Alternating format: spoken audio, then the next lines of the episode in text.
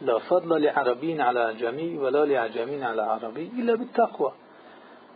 عربی به عجمی یگان فضیلتی ندارد. یا عجمی به عربی یگان فضیلتی ندارد می‌گوید پیامبر صلی الله مگر به تقوا تقوا چیست؟ تقوا اون چیزی است که سازنده جامعه ها سازنده فرد است سازنده عائله است سازنده جامعه است. تقوا این عدل است. تقوا این عدل الهی است. تقوا یعنی نبودن ظلم است. تقوا یعنی نبودن غارتگری است. تقوا یعنی نبودن خیانت است. تقوا یعنی نبودن دروغ و فتنه و رشوه و, و امثال اینها.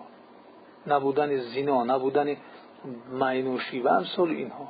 تقوا این است.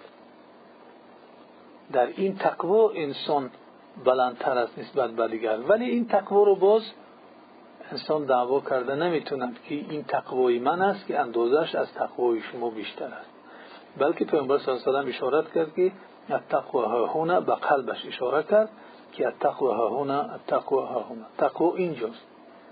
با اون تنها خدا آگاه است و هیچ کس دعوای برتریت خود را نسبت به تقوای دیگر کس کرده نمی‌تواند. ولی کوشش می‌کند تو اینکه از دیگرها خوبتر باشد در تقواداریش.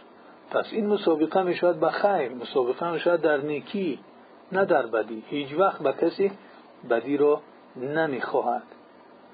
هدف و مقصدی انسانی که این راه پیامبر صلی الله علیه و را می‌رود مثلی که رسول صلی الله علیه و برای همه نیکوکار بود باید مثل پیامبر صلی الله علیه این گونه راه را پی بگیرد و در بینای فرد و در بینای آیله صالح کوشا باشد تو اینکه فردی نمونه و آیله نمونه را به وجود بیاریم.